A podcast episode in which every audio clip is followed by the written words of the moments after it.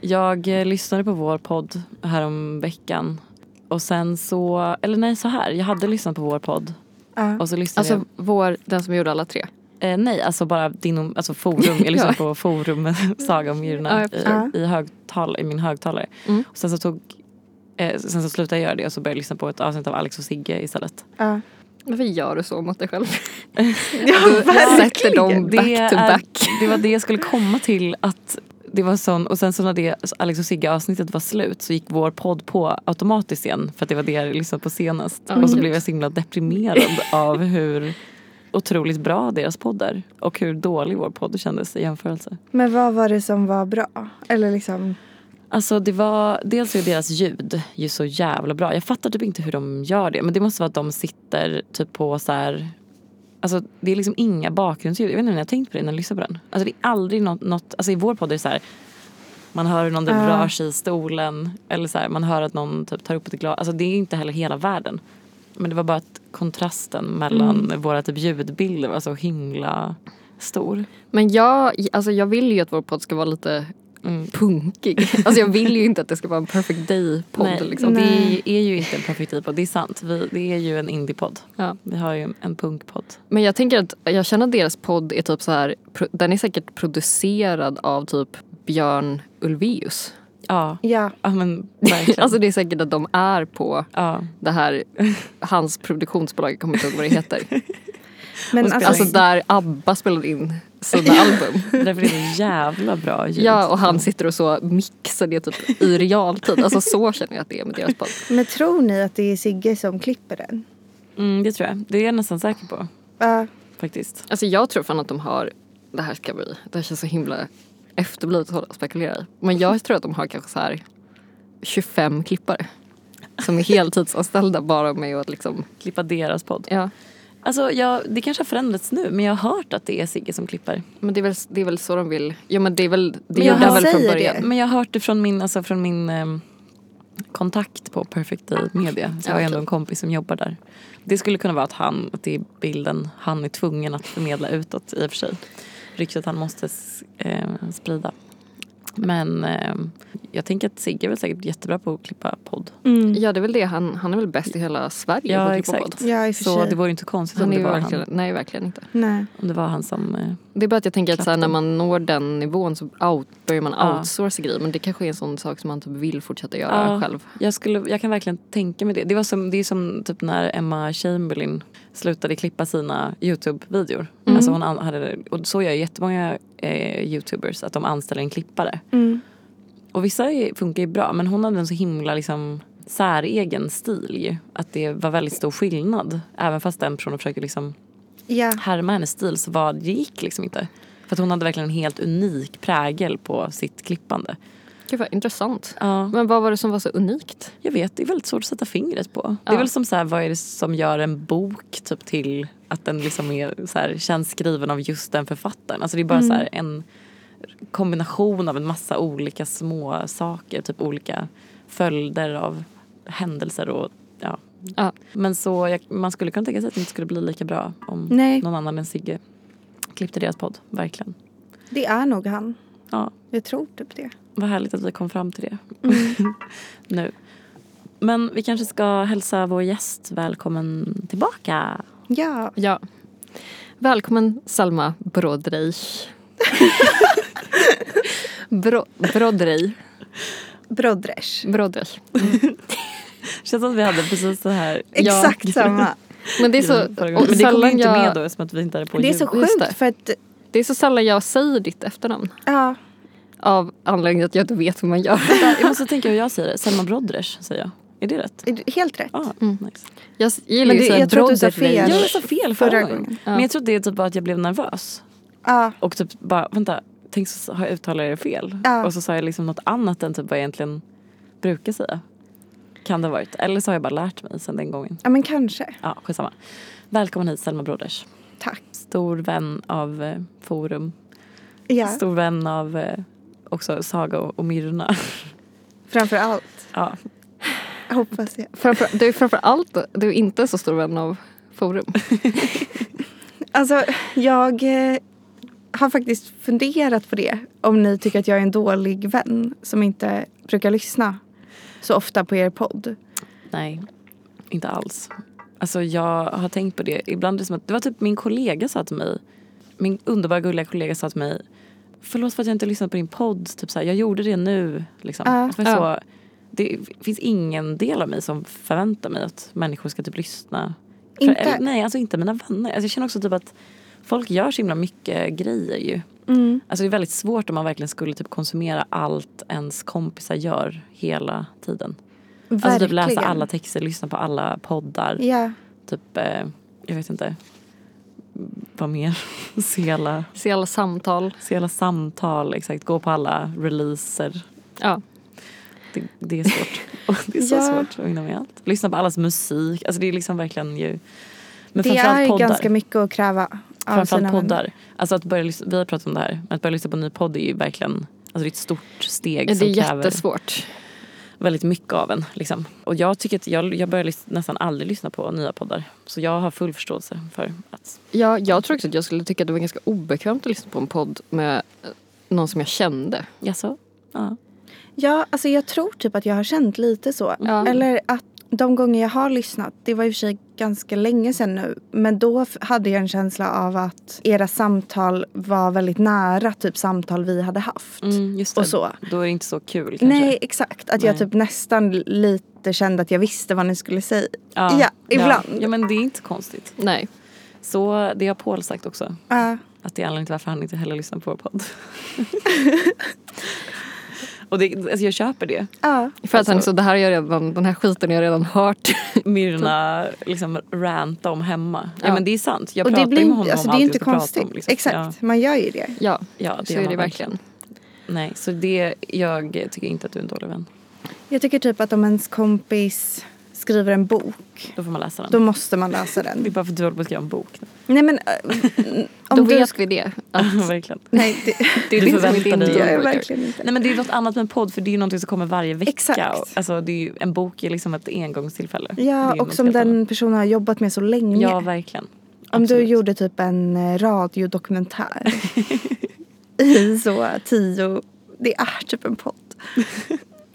ja, Fast det är en, det är en s- ja, en större vi ansträngning. behöver inte gå in nej, på det. Nej, Nej. nej. Eh, men det är väldigt kul att du är här igen i alla fall. Ja, Mm. och det är så himla bra att vi också spelar in. Det är det bästa. Att det faktiskt spelas in. Ja. Vad var det jag skulle säga? Jo, det är fredag kväll. Ja, Det är fredag eftermiddag. Vi dricker lite vin. Jag vill bara sätta stämningen. Kanske lägga in Jättebra. någon mysig musik här som kommer i bakgrunden.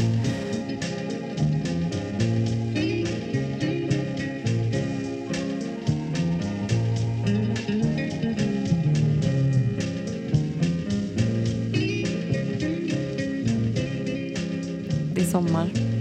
Mm. Mm. Det är sommar i, s- i stan, sommar i city. Jag tycker det är perfekt väder idag. Mm, det är underbart.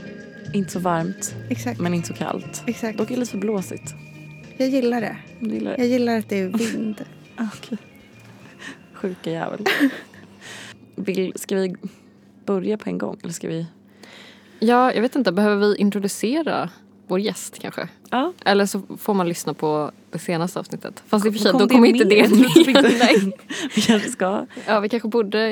Ja. Ja. Selma, du, för du har ju varit med i ett tidigare avsnitt. Mm. Och det var det, det misslyckade avsnittet när vi inte lyckades spela in och sen var du tvungen att gå. Ja, Så vi fick liksom avsluta själva. Ja, men... det var men synd. Ja. förutom att vara vän till både oss och delvis till podden så är du också skribent i ETC. Exakt. Ja. Mm. Ja, nej men jag eh, skriver på Dagens ETCs kultursida. Mm. Mm. Du har också skrivit i Arena, Ja. men nu har du slutat med det. ja. Varför gjorde du det egentligen? Eh, varför jag eh, slutade? Ja. För Nej, att... inte, alltså inte varför du skrev där. Det förstår Varför jag. gjorde du det? Varför, var, varför i helvete? Hur fan kom du på den tanken att du skulle skriva den här Nej, men för vänsterkulturen? Det, det är ju det som Tidningen. är så svårt tycker jag med att liksom mixa frilans och att vara anställd.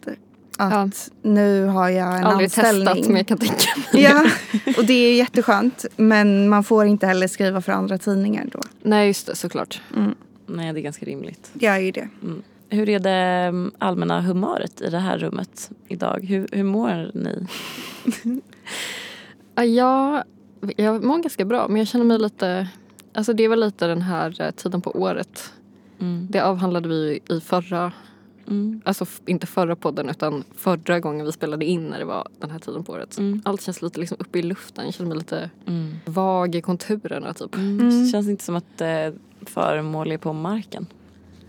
Det känns som att allt så svävar. Alltså verkligen. Ja verkligen. Det är, allt är Verkligen. så helium typ. Ja, Och man liksom bara går runt och försöker dra ner allting Precis. till golvet. Alltså, men det är inte dåligt liksom. Nej. Men det är lite min... ja. Det är också att jag var bortresa vecka. förra Ja. veckan. just det. Då bara blir allt lite konstigt liksom när man kommer tillbaka typ. Har du haft det bra? Ja jag hade det jättebra. Mm. Du och Morgan var på Öland, eller hur? Mm. Ja exakt. Gud vad underbart. Mm, det var jättemysigt. Och du då Selma? Nej, men jag känner nog ganska mycket likadant. Mm. Alltså jag sa det igår till en kompis att... För igår hade vi varit på bio Mm. eh, och på något sätt så lyckades jag liksom ta sönder min telefon under filmvisningen. Ja det var så jävla sjukt faktiskt. Alltså Men gud. verkligen helt Alltså den var trasig. helt krossad. Ja. Usch vad jobbigt. Alltså, Jättejobbigt. lät det mycket och så liksom? Nej, Nej. alltså inte alls. Utan Var det liksom Alltså, den bara... förstördes? Alltså den var, det var nästan så, som att den hade brutits av. Ja, För att den var så böjd. Men gud vad sjukt. ja den fastnade Ja. liksom under biostolen. Ja. Och där var det liksom någon sorts gångjärnsgrej eh, som, gjorde, som liksom knäckte den. Nej vad jobbigt. Jättejobbigt. Men det var också som att jag eh, kände så... Jag har typ väntat på det här. Alltså det var som att jag var så beredd. Att jag, och så känner jag fortfarande fast med att det känns som att jag kommer hamna på sjukhus. Och jag är typ inte ens rädd för att säga det, vilket jag brukar vara. Ja, vad Att, så, intressant. att jag inte vill jinxa saker. Nej. Men nu har jag bara en känsla av att så här, ni ser mig på akuten. alltså i dagarna. alltså, det känns verkligen så. Alltså du tror att det kommer råka ut för en olycka Ja, typ? Ja. exakt. Alltså inte en allvarlig, men typ bara att jag kommer ramla. Mm, jag fattar verkligen den eh, känslan. Ja, Man bara känner, men det hör ihop med den känslan av att, allting, att inget känns eh, fast. Typ. exakt. Att det känns som att vad som helst kan hända. Typ. Ja. Att det är så här, och Ja. vad som helst kommer att hända. Verkligen. Och någonting kommer att hända. Liksom. Ja. Ja, men, eller typ när man har en sån, alltså den här typ vardagen känns liksom greppbar. Då känns det ju så himla svårt att föreställa sig att man så här skulle behöva hamna på akuten och så här vara där i några dagar typ. Men nu är det så här, ja varför, varför skulle inte det, varför skulle Nej. inte det kunna hända? Nej, Alltså, det är ändå- verkligen, verkligen sant. Alltså, Ja. man blir så här, det är lika stor sannolikhet som att något annat händer. Ja. Och det är typ inte ens så jobbigt. Alltså, Nej, verkligen. Jag, jag kom på en sak nu som vi ska göra det här avsnittet. Framförallt eftersom att vi är tre tjejer som spelar in. Och det är Ja. att vi ska eh, identifiera våra röster. Ja just det. ja, det var en person som skrev och bad oss göra det. Ja, Och det fattar jag verkligen för att i början så brukade vi ändå säga så. Hej Saga och hej Myrna. Så då fick man väl lite, en lite känsla för vem som var vem. just Men nu har det. vi inte gjort det på jättelänge. Men det här är i alla fall Myrnas röst som pratar nu. Ja, och det här är Sagas röst. Och det här är Selmas röst. Jag tänker att du kanske kan liksom spä på din dialekt lite i det här avsnittet också. Vilken del? Någon av dem. eh, jag ska ta norrländskan. Ja, det är min favorit. Jag kan tyvärr inte det. Jag Nej. önskar att jag kunde det. Ja. Men, eh, men det går inte. Nej. Om någon, om någon av er börjar prata norrländska så kommer jag också kanske göra det. Men vi kan väl det ännu mindre än vad du kan. Precis. För vi är inte födda i Sundsvall eller vad det är. Nej, jag är, är inte heller född i Örnsköldsvik men jag bodde där i ganska många år. men eh, Sundsvall och Örnsköldsvik det är, Ja, det är- lite same same, Ja. verkligen. Men för att komma tillbaka till det, jag känner verkligen exakt som ni gör också. Det känns som att ehm, det är jätteobehagligt. Jag, eller jag vet inte. Ja. Alltså, jag, tyck, jag tycker inte alls om den känslan. Alltså, det är som att inga föremål... Alltså, det är som att jag så här, typ, tittar mig omkring och försöker liksom, titt, känna något så här, bekant. Mm. Men ingenting händer typ. Att det är så här, ingenting känns som det brukar. Inga föremål känns som så här, mina föremål typ. Nej. Att det är så här, för annars har man ju liksom i sin vardag, eller upptäcker jag nu när ingenting känns som mitt, att man så här har så himla många vyer som känns som ens egna vyer typ. Att det är så här, varje morgon cyklar jag hemifrån mot city. Och då kommer jag där liksom på Hornsgatan vid Slussen och så kommer den vyn av hela typ Stockholm nästan som är så Djurgården eh, och typ, eh, ja, men typ Strandvägen nästan liksom, alltså hela det området. Och nu är det som att så här, varje morgon jag kommer dit nu så är det bara som att det känns som att jag är utomlands typ. Att det är som att det är första Ja. gången jag ser platsen. Ja. För att det inte känns verkligt typ. Jag- Nej, alltså jag relaterar jättemycket Ja. men jag tror inte jag tycker att det är så obehagligt nej, faktiskt. nej men det är nog väldigt ehm, individuellt Ja. vad man känner inför den känslan. Det kan vara lite skön också. Alltså man Mm. kan ju känna sig det kan ju- det kan ju kännas som att ingenting spelar någon roll liksom, på ett skönt sätt. Ja. Liksom. Men det kan också kännas som att ingenting spelar någon roll. Ja. Alltså på ett väldigt typ, deprimerat sätt. Ja. Men eh, jag brukar känna så på sommaren. Mm. Så det, mm, eller jag brukar känna så precis den här tiden på året, typ Ja. maj. Mm.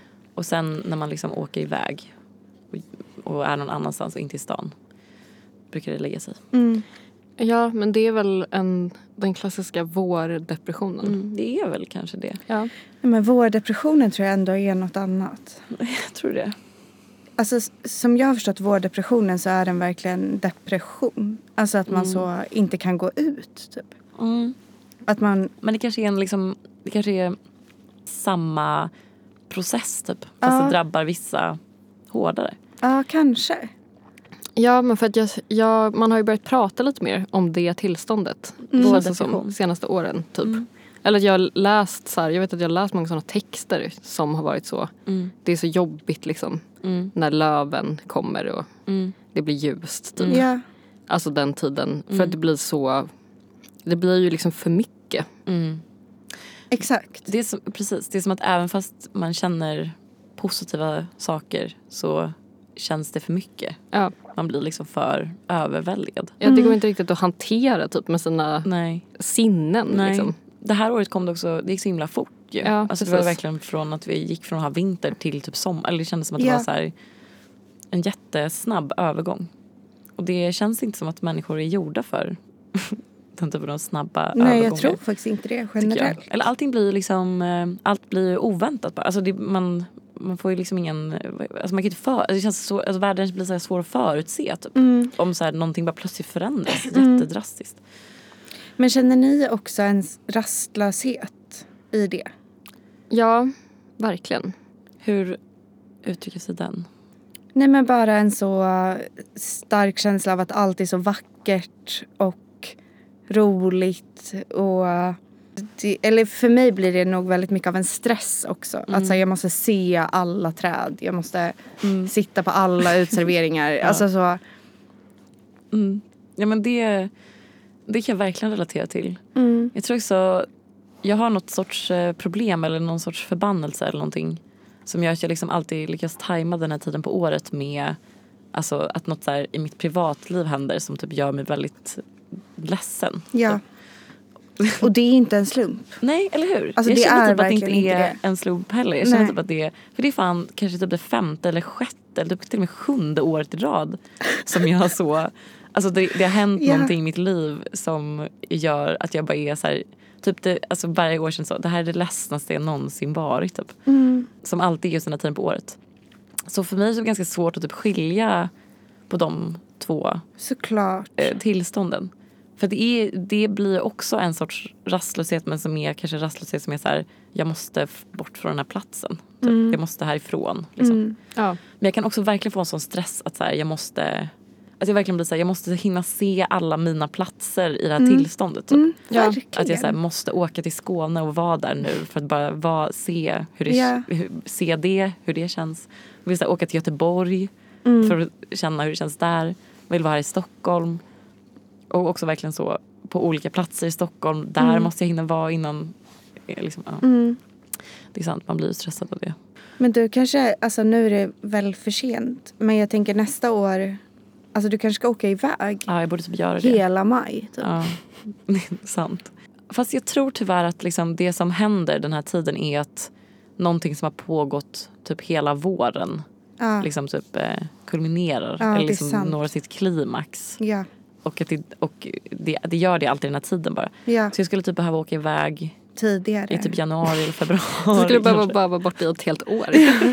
Jag skulle kanske bara behöva bo någon helt annanstans. Ja. Bara, bara fly från alla problem. Ja. För det hemska är ju när, när problemen väl är där, då kan man ju inte fly från dem. För då spelar det ingen roll var man är. Det är det som är så himla Nej, exakt. deppigt. Då, mm, ja. Men jag, jag kanske ska börja överväga att liksom bo utomlands typ februari till juni. Mm. Vart skulle du bo då? Danmark. Ja. nej men kanske, nej jag vet inte.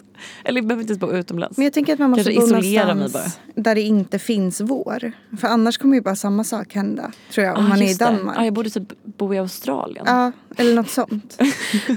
Perfekt plan. Flytta till Los Angeles typ. Ja. Ja, men det, kanske- det är så här, jag kanske mer måste göra en permanent förändring i mitt liv som är att jag inte bor på en plats som har årstider. Ja. Men det känns Ja. också som det typ mest deprimerande jag kan föreställa mig. Är du säker på det? Men jag älskar årstiderna så himla mycket. Alltså, Men det känns som mitt ex att- har skrivit en, en väldigt sann tweet om mig. Ja. Alltså Hanna. För, alltså när vi var tillsammans skrev hon den här tweeten. Ja. uppenbarligen. Att den lyder typ så här. Det, det roligaste med Myrna är att hon är så här varje årstid är hon så här. Det här är min favoritårstid. Alla som inte älskar den här årstiden är helt sjuka i huvudet. Typ och så. Ja. Och så känner jag verkligen. Jag känner, varje gång det blir vår och varje gång det blir sommar eller höst eller vinter så känner jag så här. Det här är fan den bästa årstiden och jag älskar den här årstiden så mycket. Även våren.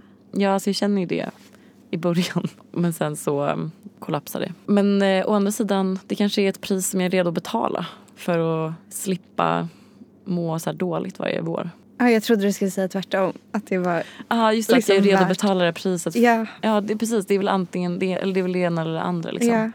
Antingen så får jag må så här dåligt varje år med få årstider eller så får jag liksom offra årstiderna. Eller så har det ingenting med det att göra. Jag tror att jag har det i alla Jag tror fall. typ också det. Det känns För verkligen jag, som jag det. relaterar jättemycket till att jag eh, alltså, blir väldigt utåtagerande på våren. På Mm. Ja. olika sätt. Och det har jag blivit sedan jag var ett barn. Ja. Alltså, det är någonting konstigt som händer, tycker jag. Mm. Men det är ju att man känner att världen finns typ. Ja, Alltså det är ju att man börjar känna begär. ja, Det är ju det. Alltså det känns som att vi pratar om det här i de avsnitt vi har pratat om skönhet. Mm. Att, man, att man börjar känna ett begär efter någonting som man typ inte kan få. ja, Som är världen när den är vacker. Ja. Typ. Som bara är så här att man typ stirrar upp på en blå himmel och det är så här kanske ett grönt träd eller typ ett blommigt träd eller någonting. Och så är det så här en, så har man en varm vind i ansiktet. Och så känner man så här, hur fan kan jag få den här känslan typ? Eller liksom, hur ska jag närma mig det här tillståndet? ja. Och så bara inser man att det går inte. Exakt. Och det tror jag man blir helt fucking galen av. Ja, Det tror jag gör att man blir liksom utåtagerande. Och typ börjar liksom så här begära en massa andra saker som man typ kanske egentligen inte... Alltså att man bara blir så här... Vad som helst som jag kan få tar jag nu typ. ja, Att man bara sträcker sig efter allt. Ja, eller att man försöker liksom iscensätta den förändringen i ens eget liv där man själv är typ en agent. Ja, verkligen. Istället för att bara bli liksom utsatt för den. Ja, verkligen. Ja, det tror jag verkligen är en del av det. Det är ju det typ eh, som så existentialisterna håller på med. Alltså det är verkligen så här leva varje dag som att det är en sista typ. ja. Alltså det är så här, det här, det här kan vara sista dagen typ. Ett träd ser ut så här. Då måste jag, alltså hur ska jag kunna ta tillvara på det på det bästa sättet Ja. typ.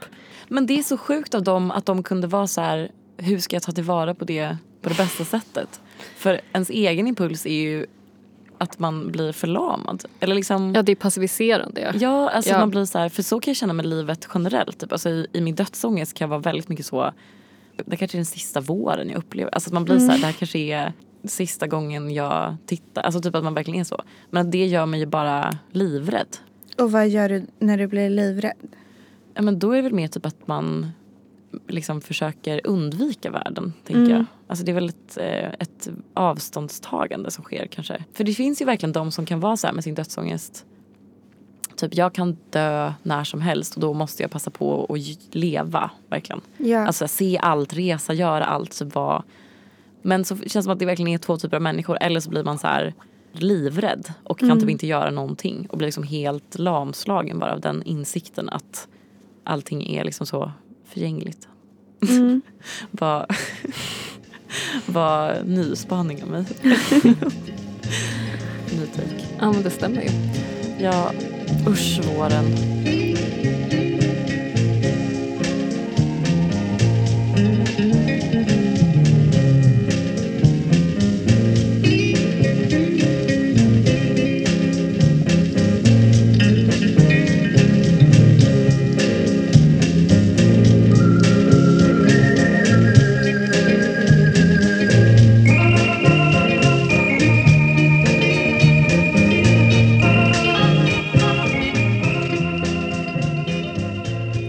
Men snart är det sommar.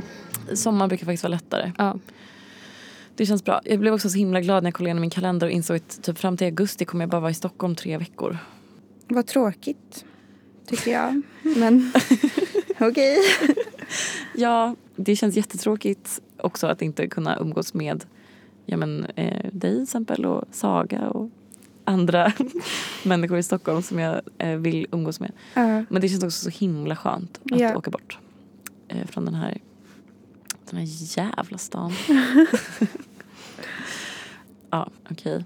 Jo men ju- just det, jag kom på en grej. Vi ska göra lite, mm, vad heter det, korrektioner, vad heter det? Corrections? ja, revideringar. Revideringar. Rättelser. Rätt- Rättelser. Ja. Eller det är väl kanske ingen rättelse riktigt, men ett eh, förtydligande. Mm. Som är det förra avsnittet när vi pratade om it-girls. Döpte vi till alla med borderline är inte it-girls men alla it-girls har borderline. Mm. Eller något sånt. Och då var det några personer som frågade mig om inte jag har borderline.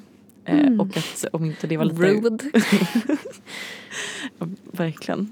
Never ask a girl her diagnos. Nej, verkligen. Eh, Och det har jag inte, vill jag bara säga. Det är lite konstigt att s- döpa ett avsnitt om It Girls till det om man liksom syftar på sig själv. Mm. Jag har inte borderline. Jag blev friskförklarad fr- från borderline för typ fyra, fem år sedan. Mm.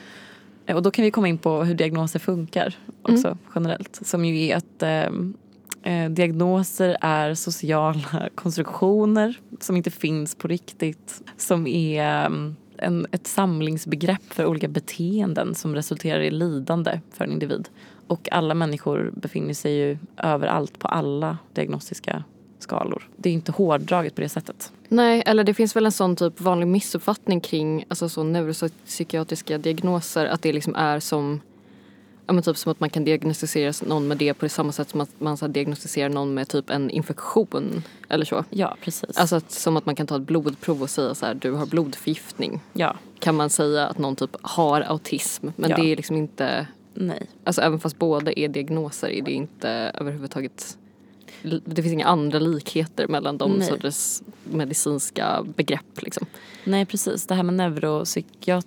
Alltså den, just, det, det förvirrar en som att det heter neuropsykiatri typ. Mm. Men det betyder typ bara att det är liksom... Alltså med typ neuropsykiatriska diagnoser som då är autism och ADHD.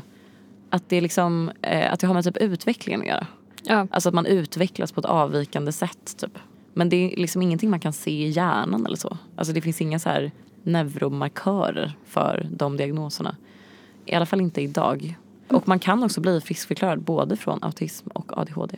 Och det visste inte jag eh, innan jag började plugga till psykolog. Så jag dömer ingen. Men, inte vet så det, det men är det- liksom lidandet som definierar diagnosen? Ja, eller lidandet är en, liksom den mest relevanta aspekten av en diagnos. Ja. För att man måste lida för att få en diagnos. Liksom. ja. Alltså att man har en funktionsnedsättning Ja. som påverkar en på ett negativt sätt. Ja, Typ. precis.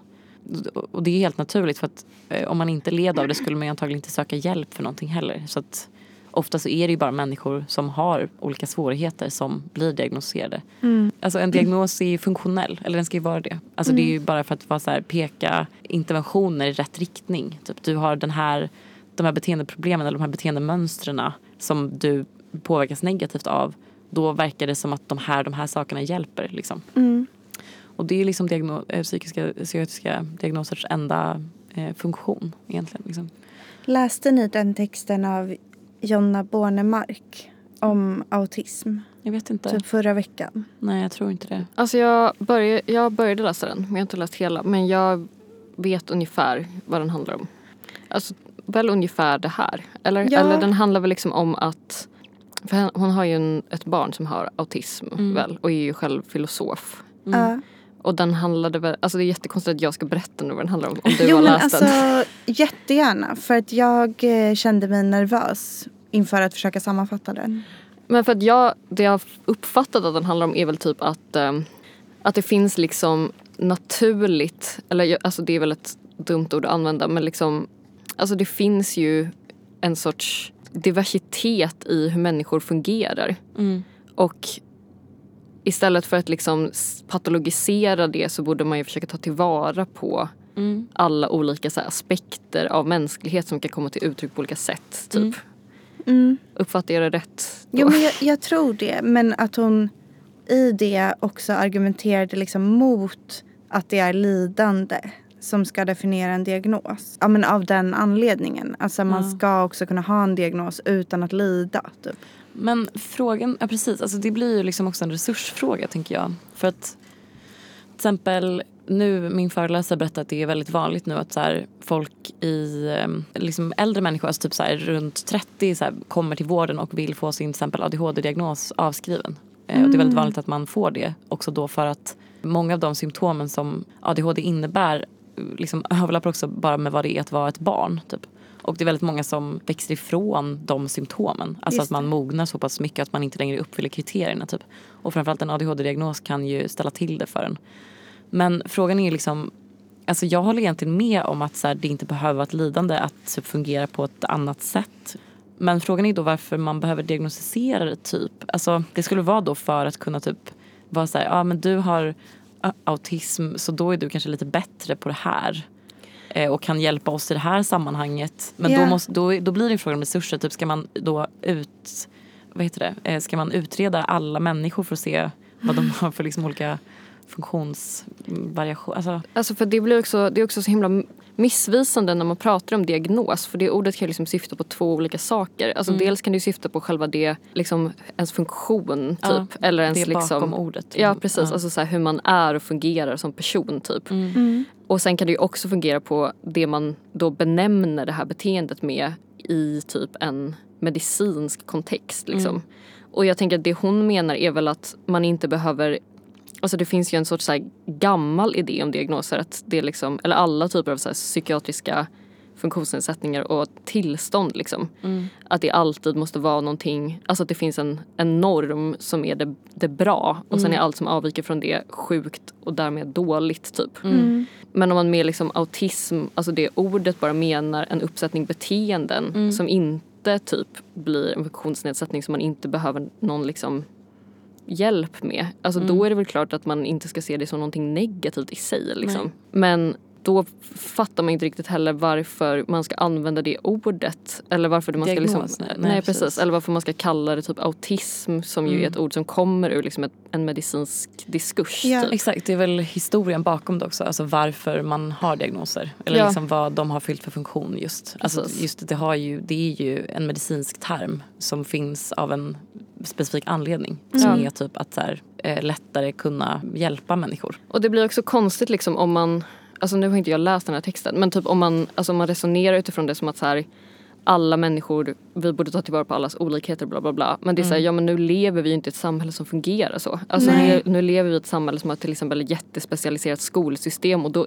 är ju vissa sorts personlighetstyper eller liksom funktionssätt blir ju ett hinder då som orsakar lidande. Alltså, Exakt, precis. och det är också så, ja om man är, det är ju såklart en annan typ av diagnos men jag menar om man är, alltså typ depression är ju liksom en diagnos som ändå, det här är kanske fel men alltså det på, beror väl liksom också på typ så här hormoner och biologiska faktorer kan ju göra det liksom. Mm, absolut. Och det är väl en sån olikhet som verkligen inte är typ positiv. Alltså Nej. då är det ju inte så konstigt att tänka att man ska liksom åtgärda det eller medicinera det även fast det är också så här, man kan vara kritisk mot medicinering också liksom. Ja, precis. Det finns ju definitivt tillstånd som man kan tänka sig är liksom problematiska eller jobbiga för individen oavsett vilket typ av samhälle man lever i. Ja liksom. exakt. Sen så är det klart att så här, depression också kan typ triggas av till exempel en väldigt stressig miljö. Liksom. Så det kan ju vara kontextberoende ändå. Typ. Ja. Men för att jag blev ju precis diagnostiserad med autism då. Och så har jag börjat på habilitering. Så var jag på det första liksom, ordentliga mötet med det i veckan. Alltså på så här, Prisma som är eh, det första man får när man blir diagnostiserad med autism.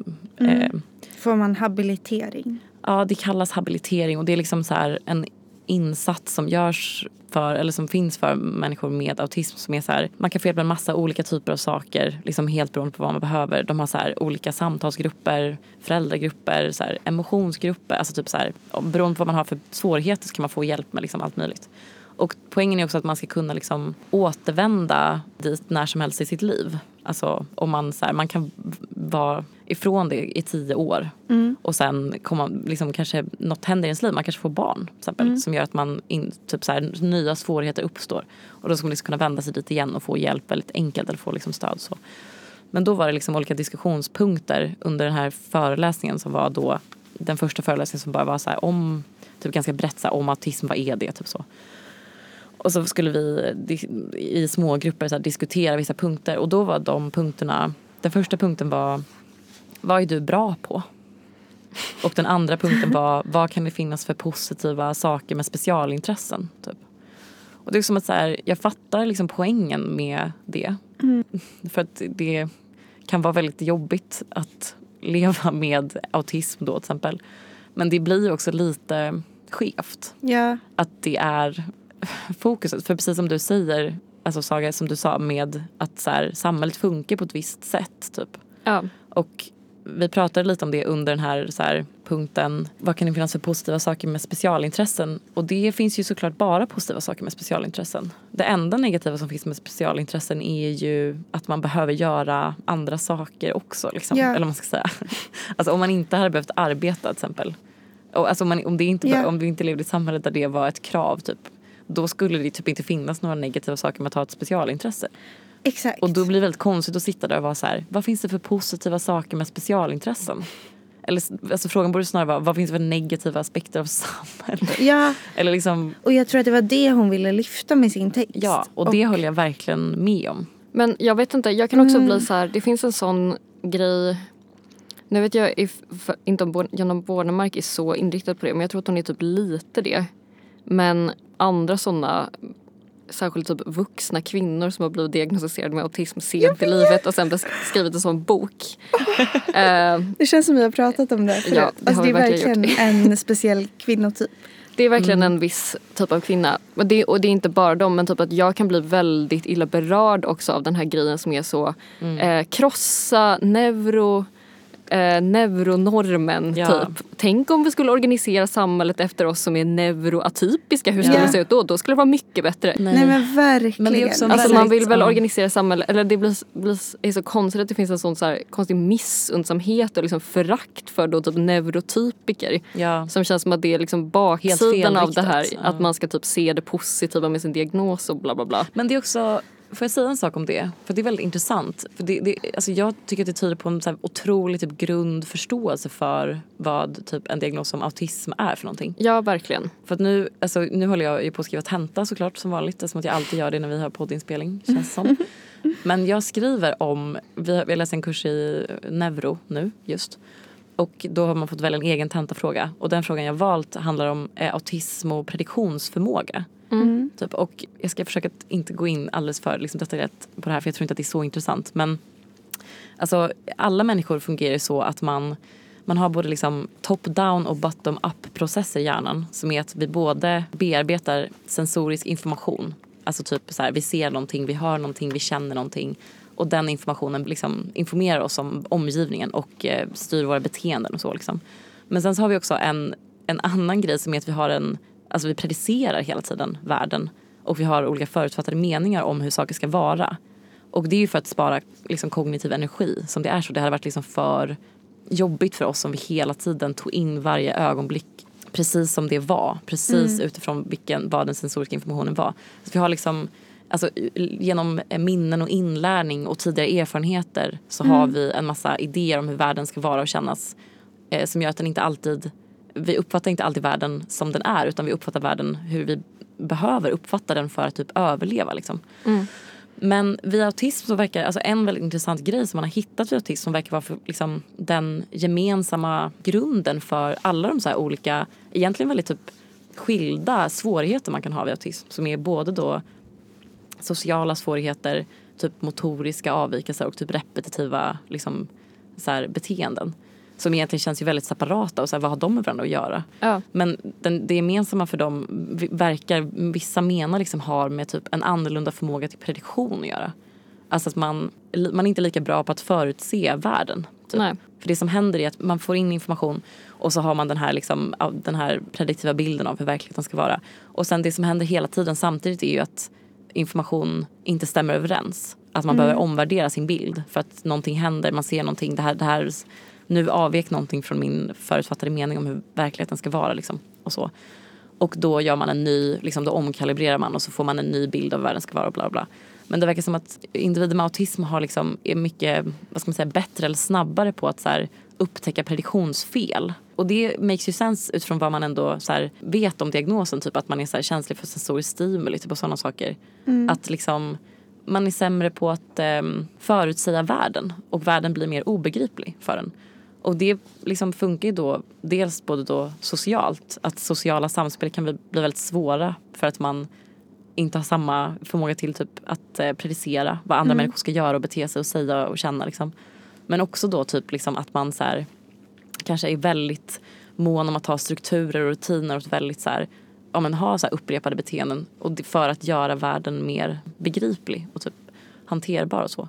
Och det kan man ju säga om det är så till exempel. Alltså det är ju också, och då är ju det såklart en skala man kan vara på mer eller mindre. Alltså igen det här med diagnos är bara en social konstruktion. Det är klart att en icke-autistisk person kan ju ha de här svårigheterna också. Precis som en autistisk person inte behöver ha de här svårigheterna kanske. Liksom. Men det är ju liksom att det kan, att det kan bli ett lidande då. För att det blir för svårt för en i, i världen bara. Men med det tänker jag också att så här, eh, typ eftersom att socialt samspel är en så himla typ central del av vår värld. Ja. Och oavsett vilket samhälle vi lever i, alltså socialt samspel är ju det som har gjort att vi har överlevt som art. Så är det liksom också svårt att, eller fattar ni vad jag vill Ja. komma liksom att så här, vissa saker är inte bra bara. Vissa Nej, saker exakt. gör det svårare för en att typ vara människa och funka i- i världen. Ja. Liksom, och lite oberoende av vad, vilket samhälle det är. Ja, och då är det väldigt märkligt att tycka att då ska man omorganisera Ja, hela exakt. samhället efter Exakt. ens egen upplevelse Ja. av Precis. sina problem. Ja, Liksom. Ja. och då är det då, det är, vad är det, det är runt 1% av världens befolkning som har autism. Och det är de som ska styra Ja, nej, det är hela skiten. jättemärkligt. Sen är det klart att de män- människorna som har, alltså det är också det att så här, människor o- oavsett om de har en diagnos eller inte som typ mår dåligt och har problem borde få hjälp. Ja. Och så är det såklart och borde få Såklart. stöd och liksom så här, att man borde försöka anpassa s- i den mån man kan så att de så här, kan leva normala och bra liv. Mm. Men man kan ju inte, Nej, Alltså- för att hon, hon tog upp, alltså Jonna Bornemark tog upp exempel med eh, alltså l- sjukvården och att b- besöka en läkare typ. Och eh, då så hade det varit någonting att så här, de hade bokat en tid och sen så hade det, den läkaren ställt in eller det var liksom någonting med att så här, det hade inte blivit som den här patienten hade tänkt att det skulle bli. Och då menade hon att det här var ett exempel på där liksom sjukvården borde anpassats efter diagnosen eller efter den här patienten. Att så här, man kan inte göra så mot en person som har autism för det fuckar upp hela dens dag. Typ. ja, Men Ja. då blir det ju så här, ja, Men det är också så att det finns större problem med vården Kanske. och hur vården fungerar Kanske just faktiskt. nu i Sverige jag tror det. än det. Jag tycker tror typ det. att så här, människor som arbetar med autism tycker jag verkligen ska ha den förståelsen och eh, tänka på det och så. Ja. Men jag Ja. tycker typ inte att så här, man kan kräva att typ varje läkare eller typ varje enskild individ man möter. Ska, ska jag vara då så till er, mina kompisar? Bara, ni får aldrig ställa in om vi ska ses. Eh, nej, absolut inte. För Men jag då- tror inte heller att du har autism. Nej, det... ehm, Det är en säg det annan till diskussion. kvinnan som diagnostiserade mig. Ja. Vad tror du att, vad, vad tror du att jag har då? jag skojar. Nej men det, är ju, det kanske jag inte har. Jag vet Nej. inte. Alltså det är också det, man kan ju inte riktigt ha eller inte ha autism. Nej. Eller, alltså det är Nej, ju bara exakt. att jag gjorde en utredning och det visade sig att liksom, jag kunde få diagnosen. ja. Men det, det säger ju inte mer än så. Nej, exakt. Alltså, exakt. Eller för att, och, och det här kanske faktiskt inte är ett samtal för podden, jag vet inte.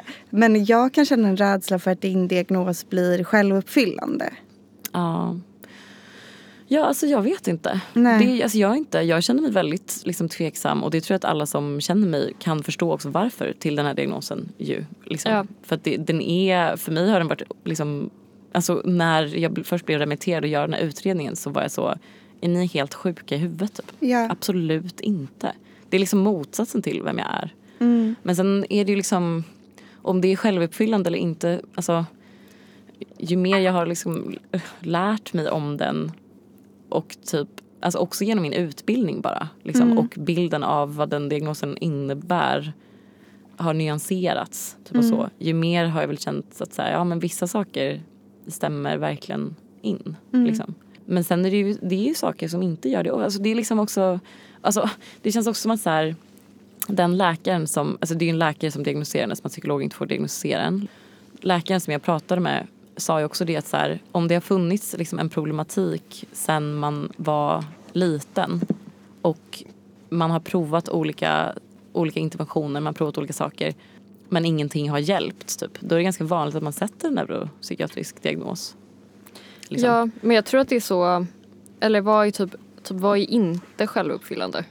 ja, allting är ju Ja, självuppfyllande. Alltså Verkligen. jag menar grejen är att om det är så att du inte har autism då Ja. får man väl det visa sig. Liksom. Ja. Men nu får du väl testa det så får du väl se om det funkar. Ja, Alltså, precis. Alltså, det enda som spelar roll är ju typ om behandlingen jag får funkar för problemen jag har. Ja. Liksom. ja. Och det är väl också som att så här, en stor del av ens psykiska hälsa handlar ju också om typ ens narrativa identitet och så. Ja. Alltså jag tror att för mig, anledningen till att jag har mått så dåligt också är ju för att jag har känt att jag själv är typ obegriplig för mig. Alltså att jag har varit så här, inte först, har förstått mina olika problem. Ja men det har verkligen känts så här, vad, vad är det för fel på mig? Och det behöver inte vara att det är autism typ. Men en grej som jag verkligen redan känner har börjat hända är att jag börjar liksom kunnat lägga ett pussel ändå. Och vara så här, ja men vissa av de här sakerna förklarar det och det typ och så. Och det kan ju vara, det blir ju självuppfyllande lite också men det är också Eller så blir det inte det. Det kan ju också vara att du får typ ett språk för det. Ja. På ett annat sätt. Och då är det väl bara att jag kanske får syn på andra sidor av dig. Och att du uttrycker dig på ett annat sätt än tidigare. Men det behöver inte betyda att det är självuppfyllande egentligen. Nej. Men om jag talar lite ut- utifrån egen erfarenhet Mm. så kan jag ju säga att det är liksom självuppfyllande funkar ju bara till en viss gräns.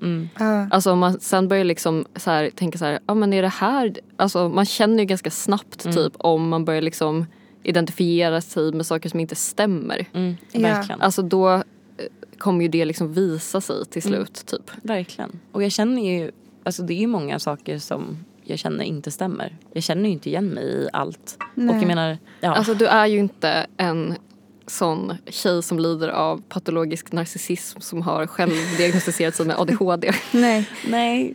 Nej, Alltså, jag hoppas verkligen inte det. inte. Nej, Och jag- det är du ju inte. Nej, och jag känner väl också typ att så här, nu sa ju det här i den här podden, det känns som ett relativt tryggt rum ändå för att det är liksom, jag vet inte, en väldigt typ begränsad skara människor som lyssnar på det här ändå. Men jag känner så här, jag vill inte typ vara så öppen med att jag fått den här diagnosen. Alltså också typ för min e- alltså bara för att inte själv, ja men för att inte bli själv, alltså för att inte börja liksom krätt, alltså jag, jag känner att jag verkligen gjorde misstaget när jag var mycket yngre, alltså när jag var typ 22 och diagnostiserat med borderline. För då var det som att det var så otroligt typ revolutionerande för mig att det kunde finnas en förklaring till ens problem. typ. Ja.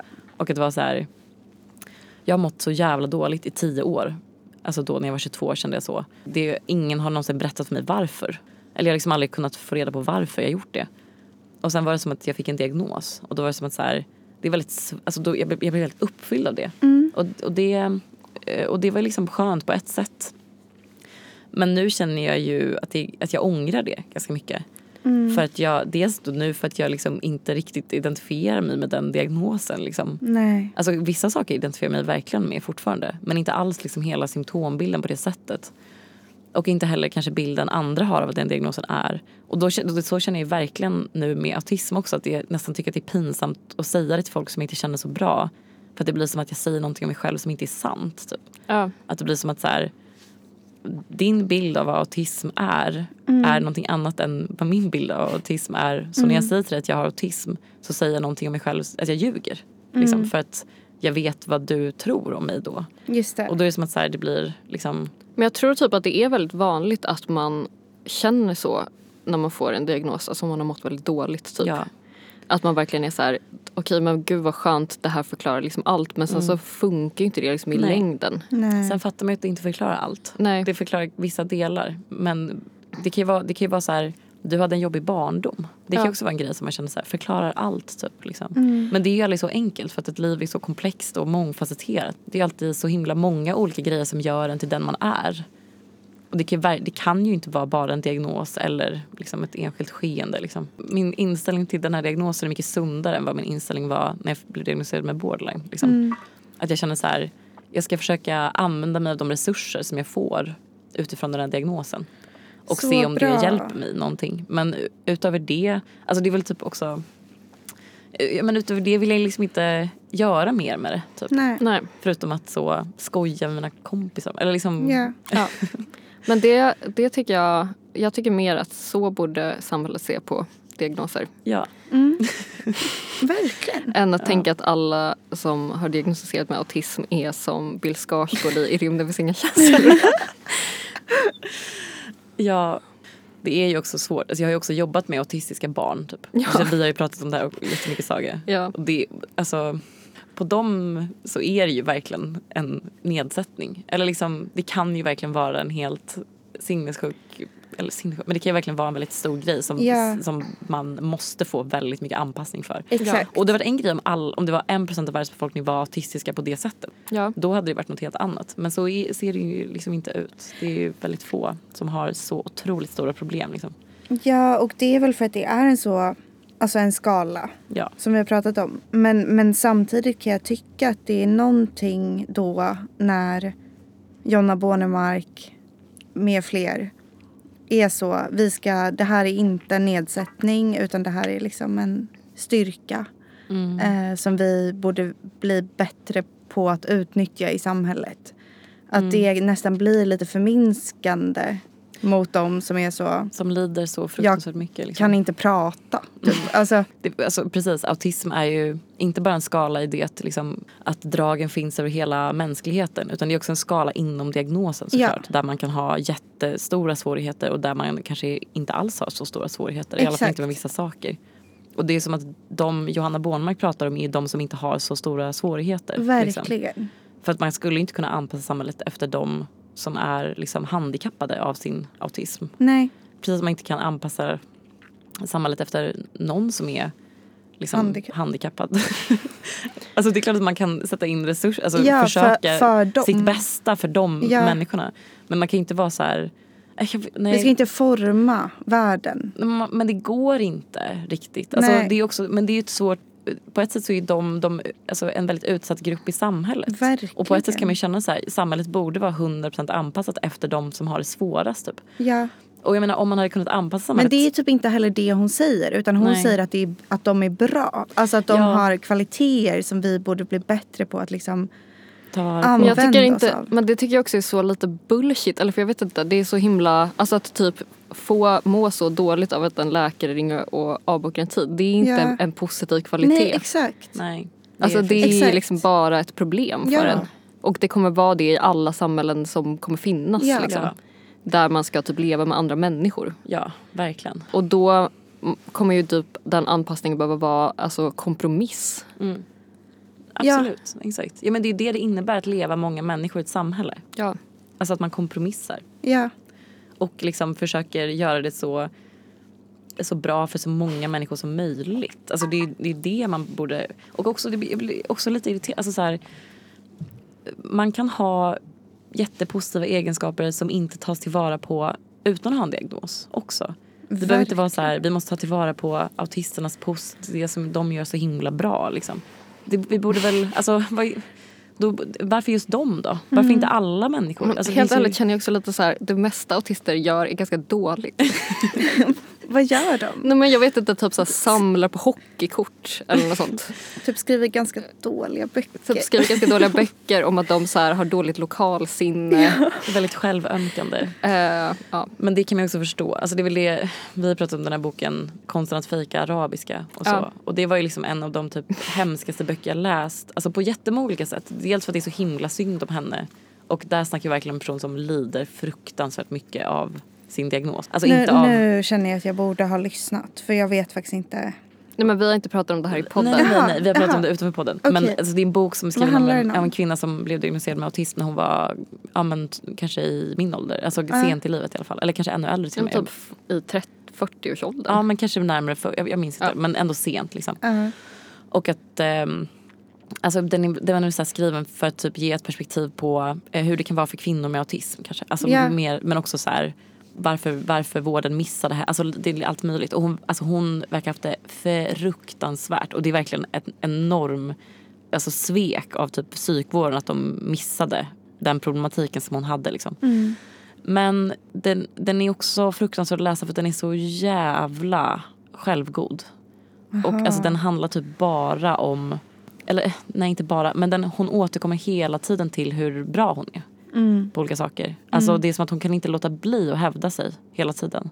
Men jag kan också fatta att det blir så om man har levt väldigt länge och känt sig som världens sämsta människa. Ja. Typ. Ja. Och som att ingenting funkar för en och att man inte klarar någonting. Då kan jag fatta att man blir så här, måste berätta för alla att man är jätteintelligent och presterade jättebra på intelligenstesterna. Eller Mm. att man så klarade av att hitta ett ör, borttappat örhänge i en liksom, stor eh, sal Mm. när hundratals personer letar. Alltså, fatt- alltså, Ja. Mm.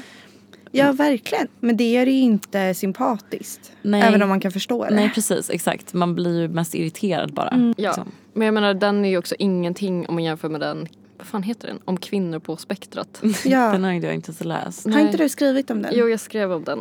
Heter den inte typ så här Hon blev genierna? jättesur. Nej, Jo, Heter den inte bara autisterna? Nej, det är en bok av Det är en Stig annan. Larsson. Jag, vet inte, jag måste kolla upp vad den kan heter. inte heta Jo, genierna. den heter typ... jo, den heter fan Autisterna och Kvinnor på spektrat. Ja, jag tänkte väl det. Mm. Ja. Ja, men där är hon ju typ så här, ja, jag eh, har väldigt svårt att hitta, jag har väldigt dåligt lokalsinne. Eh, Det gör ju mig väldigt lik Emily Dickinson.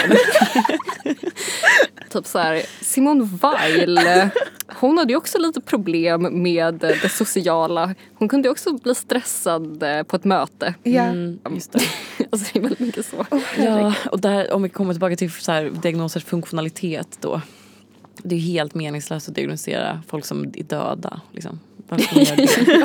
Alltså, för, För att vilken man- nytt- för att få lite bättre självförtroende typ. Ja. Liksom. Ja. Ja. Ja. Det är också, man, ja. Förebilder. Ja, men man känner ju sympati, alltså man gör ju det för att det är så här, det, Jag känner fan ingen Nej, sympati med jag henne gör för hon har faktiskt inte heller inte haft heller det så det. jobbigt. nej, nej, Hon är okej, typ om så någon en inte- framgångsrik nej, men- kulturjournalist. Ja, då kan jag också, då, då dämpas ju Som ens har sympati. typ så, eh, åh nej, det är så jobbigt för mig när eh, det är en deadline. Ja, Ja. just det. Han bara, det är jobbigt för alla människor att ha Ja. en deadline. Det är deppigt. Och Det är också samhällets fel lite. Att det, det kretsar väldigt mycket kring diagnoser. Jag kan förstå impulsen av att liksom vilja göra det till hela sin identitet. Även när man inte är 22. Fan vad långt det här segmentet blev helt oväntat. Verkligen. Ska Eh, vi prata om det andra? Ja, lite grann kanske. Ja. Ja. Jag vill bara göra en till, eh, ett till förtydligande. Ja. Vi vet att hon heter 070 Chic. Ja, just det. Vi pratade om, vet du artisten 070 Shake? Nej. Okej, skitsamma. Du sa om henne 070 Chic. 070 shake och jag sa 070 shake. Jag bara kände i hela min kropp att det kändes så fel när jag sa det men jag kom liksom inte på. Ja. Men ja, hon heter då 070 shake. Ja, och det, det är vi fullt medvetna om. Ja. Jag är fullt medveten om det. Jag säger ändå 070 Jaha, Chic. du gör det? Okej. Jag säger också Jag sa fel. SZA. Jag säger inte Sissa. Zizza. Zizza. Jag kommer fortsätta göra det. Ja, det hedrar dig. Mm. Integritet. Ja, eller bara Autism. autism. eller bara stolthet. Ja, så kan det också vara. Okej, är vi klara med... Eh, Ja, nu, nu är vi väl ändå det. ja.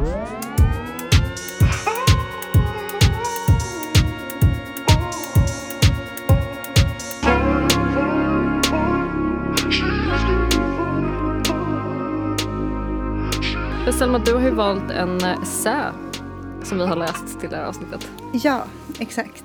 Vill jag, du berätta lite om den? Ja, eller jag tror att det var när vi åt middag för några veckor sedan Vi tre?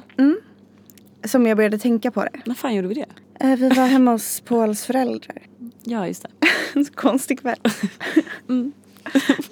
Det var mysigt. Det var men lite mysigt. märkligt. Ja.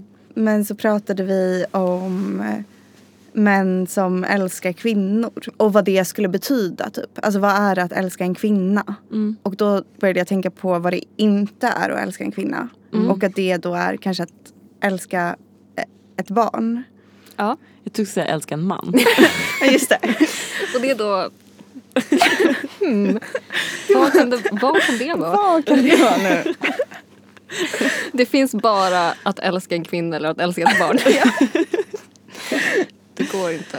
Nej men det är sant. Om man ska älska det kvinnliga könet i alla fall. Ja, Liksom. och att, ja. eh, men liksom att, det, att de två för mig är så himla mycket i konflikt. Mm. Typ att antingen så är man en man som älskar barn eller så är man en man som älskar kvinnor. Så är det verkligen. ja, jag håller helt med dig.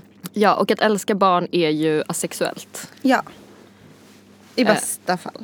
Ja. Nej men jag menar att det liksom Alltså, är... vänta, eh, ett förtydligande. Nu menar vi inte alltså, en man som älskar typ barn, alltså så här, älskar eh, sitt eget barn eller sin kompis nej, barn. alltså liksom. vi... En man som älskar en 14-åring. Ja, Ja. eller typ en man som älskar idén av ett tjejbarn. Ja. Liksom. Ja. Men en sexualitet är antingen barn eller kvinna. Precis. Flicka eller kvinna. Ja. Mm. Flicka kanske är bättre orden. Barn låter så. Ja, det kan verkligen vara en bebis. Liksom. Ja. Ja. Precis. Det skulle vara så speciellt om det var att man antingen älskar kvinnor eller liksom verkligen älskar en bebis. Och jag är så barnkär. Tyvärr gör ju det att jag aldrig kan få barn som att jag hatar kvinnor. Nej, för de två tänker jag samspelar Ja, mycket de mer. samspelar Absolut. jättemycket. Att tror jag. älska barn och älska kvinnor Ja, det, är, det är samma sak. Samma sak. Ja, men, Men, att, älska... flickor är att hata kvinnor. Ja. Ja, verkligen. Alltså att älska nymfets. Mm. Typ. Kan, vet du mer om det begreppet? Ska Jag vet allt. Ja, berätta. Det kommer från Lolita. Ja. Jag har inte läst Lolita. Nej. Åh, du skulle älska Ja, den. men jag Den är skulle- så jag jävla tänkte jag ska bra. göra det i sommar faktiskt. Det skulle bli en sommarläst. Men där är det ju att, eh, jag vet, han, kan du handlingen i den? Eh, ja men jag kan det i stora drag. En, Ja. pedof- en 40-årig man som har en relation med en 14-årig. Ja exakt. Ja. Jag tror att hon är 12. Hon är, Tolv, typ- okej. ja. ja hon är fan 12, det är helt sjukt. Mm, det är För det är ändå lite skillnad på något sätt. Det är verkligen skillnad ja, Mm. för en 14-åring är ändå liksom lite över gränsen Exakt. mot kvinna. En 12-åring är ju verkligen ett litet barn. Mm. Men Ja precis, men då är det att han kallar henne för sin nymfett. Ah, okej. Och nymferna är ju liksom i grekisk mytologi Mm. såna eteriska flickvarelser liksom. Ah, okej. Så Ah, det är men bra. därifrån det kommer. Mm, tack. Nej men då, apropå det här så eh, hittade jag en essä av... Ska jag säga det? Jag kan inte franska. Nej inte jag heller. Men du har väl, har inte du bott i Frankrike? Simone Det de hjälpte Beauvoir. inte. Vad- är det inte så man säger det? Jo, Simone de Beauvoir. Ja. Simone de Beauvoir. Ja. Simone de Beauvoir. Man säger det snabbt bara. Så låter det- Simone de Beauvoir. Som heter Brigitte Bardot och Lolita-syndromet. Mm. Som vi har läst. Mm. Mm. ja. Men för det känns som att du hade läst den innan du föreslog att vi skulle läsa den. Mm. Vad tänkte du liksom när du läste den första gången? Nej men jag, eh, jag, jag tyckte att det var, eller jag tror att jag ändå kände att hon satte ord på någonting som eh, jag har liksom både uppfattat och kanske försökt liksom s- eftersträva i min egen kvinnoroll. Eller flickroll då. Alltså att så här, det finns någonting eh, väldigt Alltså den unga flickan har en ganska sjuk dragningskraft. Mm. Och den går typ att applicera även på äldre. Mm. Alltså det, det handlar ju inte bara om ålder utan det handlar väl mycket om vad man liksom skickar ut för signaler. Mm. Och att Brigitte Bardot skickade ut väldigt liksom barnsliga signaler. Ja. Mm. Och att det var anledningen till att hon blev så framgångsrik. Är väl he- Simone de Beauvoirs tes. liksom. Ja, Eller hur? Så uppfattar jag den. Eller typ och att det var att- typ ja. rätt i tiden Ja. också. Med att de signalerna landade rätt. Mm. ja, jag vet inte. Jag tycker det är intressant för det är liksom inte alls så jag har uppfattat Brigitte Bardot tidigare. Alltså att hon skulle anspela på en sorts flickighet liksom. Inte? Nej, men jag förstår ju också det resonemanget att hon verkligen gör det om man jämför med, för att hon liksom var ju då en fransk skådespelare som verkligen blev så här en jättestor sexsymbol i efterkrigstiden, typ framför allt i USA men också i Europa liksom. Mm. Och det var ju att hon slog igenom en film som jag har inte sett några filmer med henne men hon slog igenom med den och Gud skapade kvinnan. Och hon beskriver ju också den filmen i den här essän. Men att eh, hon, det är ju verkligen att hon liksom kommer med någonting, alltså den typen av sexighet som hon anspelar på är ju någonting väldigt annat än den här så här kabaré artisten typ. Som var någon sorts sexsymbol innan liksom. Alltså som är väldigt så här, har väldigt så tajta kläder och typ en korsett och kanske en hög hatt och något liksom litet raffset och är väldigt så här hårt sminkad och så typ. Ja. Alltså hon är ju verkligen så, det är ju det hon beskriver i den här essän också att hon är så Hon anspelar ju på någonting helt annat som är typ lite så här oförstört och djuriskt typ. Och autentiskt Ja. menar väl hon. Precis. Men det, Eh. så jag tänker att det hon menar väl är väl att hon liksom inte är... Sen så går det ju hem hos män och kvinnor också. Men typ att hon inte är liksom bunden av könsroller. Typ. Nej. Att hon så här gör vad hon vill. Att hon gör det som känns bra för henne typ. Och att så här, när hon visar upp sin kropp så gör hon det på ett sätt som hon vill typ. Ja, Och så här, Precis. hennes kropp är hennes kropp typ. Och det finns liksom inget eh, mystiskt med den typ. Nej, exakt. Och så här, jag tror att jag tidigare har tänkt på den liksom manliga dragningskraften till unga flickor handlar mycket om oskuld och så här, att man dras till lekfullhet och en liksom renhet, typ. Mm. Men eh, det är ju inte... Alltså, B- Brigitte Bardot har ju ändå en sexualitet typ, som är ganska som är ganska Uttalad. aggressiv nästan. Mm, liksom. Ja, Exakt. Mm. exakt. Och då handlar det väl mer om den liksom, autentiska sexualiteten snarare. Mm. Kanske. Som inte är påverkad av någonting. Och som där då påminner kanske om en ung flickas sexualitet. Men är det inte att den är liksom motsatsen till en moder? Jo. För det tänkte jag på ganska mycket när jag läste den här texten. För att jag skrev ju för ett tag sedan, det känns som jag pratade om det förut, och så, en text om typ så här heroin chic idealsgrejen typ. Ja. Som handlade om typ, alltså ja det är svårt att säga någonting i den frågan överhuvudtaget. Du skrev en väldigt bra text om det, eh, Saga. Tack. Men typ att så här, alltså, det, eller det kanske inte handlar så mycket om heroin chic idealet egentligen utan det handlar väl mer kanske om kvinnligt versus flickigt typ. Och i den texten så skrev jag, för att jag tror att vi är ganska lika i det Selma, typ att så här, att det finns två sätt att vilja bli sexualiserad på. Och det ena är att man vill bli sexualiserad som en kvinna.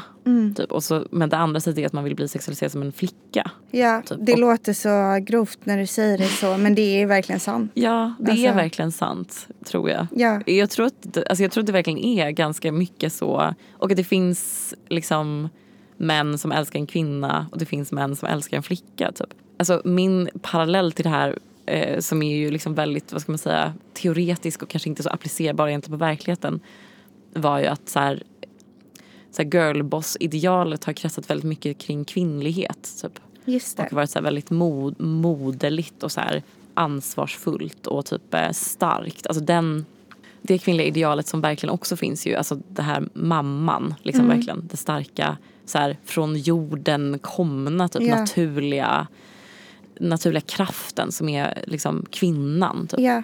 Men sen finns det då flickan och att det också hör ihop med ansvarslöshet typ, och ehm, Exakt. att eh, liksom, brist på initiativtagande. Och det behöver inte ens vara så här, det behöver inte vara typ så här försiktighet och rädsla men mer typ just det öppna, Mm. typ oerfarna lite. Alltså, eller typ så här undergivna kanske. Men jag vet inte, jag känner typ att jag inte riktigt köpte hennes tes i den här texten. Jag förstod typ inte riktigt vad hennes tes var om jag ska vara helt ärlig. Nej, jag tyckte också den var lite diffus. Alltså, För jag- den handlade ju också ganska mycket om så här, den nationella karaktären i typ Frankrike och USA. Ja. Och det hade jag Ja. lite svårt att typ... Jag tyckte inte den, det resonemanget var så tajt liksom. Nej. Men dels var det så, alltså jag vet inte om jag alls håller med om att Brigitte Bardot är en Lolita-figur. Alltså jag skulle inte alls säga att det är den typen av sexualitet hon anspelar på. Nej, så väl är en väldigt typ av så här avancerad Lolita-figur. Alltså Eller jag tycker liksom- Varför också- inte? Jag menar dels tycker jag att det liksom haltar lite att jämföra Lolita, alltså den romanen, med Brigitte Bardots filmer. För jag tycker inte att Lolita är liksom en sexistisk roman. Nej. Men he- Bri- alltså de filmerna med Brigitte Bardot är jättemisogyna. Liksom. Och hela liksom hur hon typ såldes in som en så här sexsymbol handlade ju väldigt mycket om att så här, hon är typ en pantad bimbo. Liksom. Medan Lolita är typ så här en jätteintellektuell roman som inte alls handlar egentligen om typ att sexualisera barn. Alltså den handlar ju om någonting helt annat. Liksom jag tyckte inte att den typ parallellen höll riktigt. Jag tycker också att det blir något konstigt med liksom att typ, alltså att hon skriver att så här Brigitte Bardot Alltså att hon är så aggressiv i sin sexualitet, att hon är typ autentisk. Att hon liksom har en sexualitet som hon typ visar helt så här som ett liksom oförställt barn, att hon är så naiv. Men det är så här, ett barn har ju inte en sexualitet. Alltså en flicka har ju inte en sexualitet. Det är ju det som en flicka är. Som flicka är ju liksom en projiceringsyta. Och hon skriver att Brigitte Bardot inte är en projiceringsyta.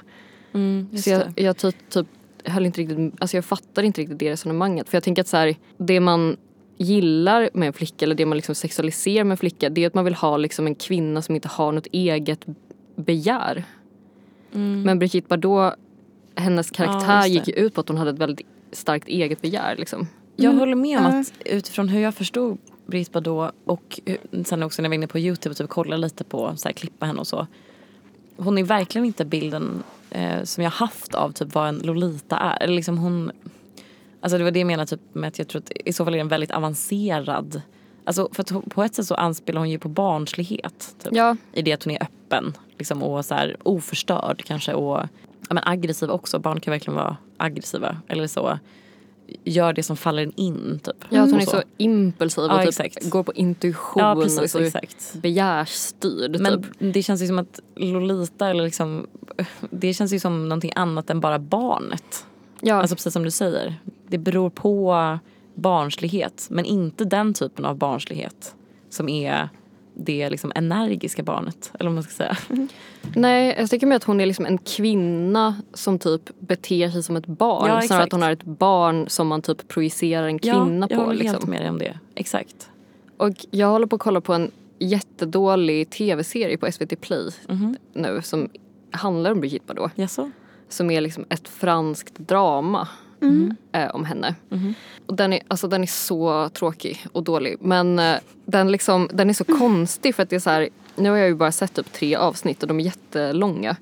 Men att där är det som att hon bara framställs som den här typ manslukerskan som liksom bilden av henne är i filmen om henne. Ja. Och det blir väldigt konstigt när man liksom gör en dramatisering av en, f- en karaktär, alltså en människa, en skådespelerska som att hon är de fiktiva karaktärerna hon spelar typ. Ja. Och Men sen är det så, Jag jag, har för mig att hon till och med säger det ja hon säger i ju den det. här ja, essän. Att så här, jag är den här karaktären. ja, jag vet. Alltså, eh, precis, Simone de Beauvoir citerar ju en intervju där hon Just det. säger att hon är den här Juliette i den här och gud skapade kvinnan liksom. Mm. Och det kan, alltså, jag menar jag kan inte Brigitte Bardots biografi så det kanske är så att det finns väldigt många likheter mellan henne och, men jag känner att det är så här, man, det är sån, man har liksom kommit ett, ett steg typ längre i sin feministiska kritik typ från den här, alltså Simone de Beauvoirs Mm, essä, att man liksom också typ kritiserar den liksom internaliserade Mm, exakt. misogynin Ja. som, Simone, de- eller som Brigitte Bardot då liksom iscensatte för att hon så här blev ihop med typ en så 20-årig film, 25-årig filmregissör när hon var 15. Sen gifte de sig, han gjorde den här filmen med henne som var typ basically en sorts porrfilm när hon var typ 20. Alltså, Och det är så hela hennes liv har varit. Att det, är så här, det är den typen av liksom exploaterande som skapar en sån sorts person. Liksom. Alltså det känns inte så autentiskt. Eller så här, att prata om autenticitet i relation till typ att leva i en sån sexistisk miljö känns svårt. Liksom, Mm. tycker jag. Mm. Verkligen. Ja, och där blir det väl lite konstigt att Simone de Beauvoir Ja, Men att hon går på den här konstiga sexistiska idén om en Ja, Brigitte Bardot är. och Liksom. just på det med autenticitet. Ja. Mm, Men för verkligen. sen, alltså, jag tror att när, när jag läste sen så tolkade jag hennes användande av autenticitet snarare som typ, alltså jag, jag kan bara läsa en liten del. Då skriver hon Brigitte Bardot försöker inte väcka anstöt. Hon kräver ingenting. Hon är inte i högre grad medveten om sina rättigheter än sina skyldigheter. Hon följer sina böjelser. Hon äter när hon är hungrig och plägar älskog med samma enkelhet. Begäret och njutningen tycks sannare än föreskrifter och konventioner. Och att det finns en autenticitet i det, kanske. Ja, Som inte är på riktigt då. men det, alltså, det är svårt att veta. Så här, pratar hon om Brigitte Bardot?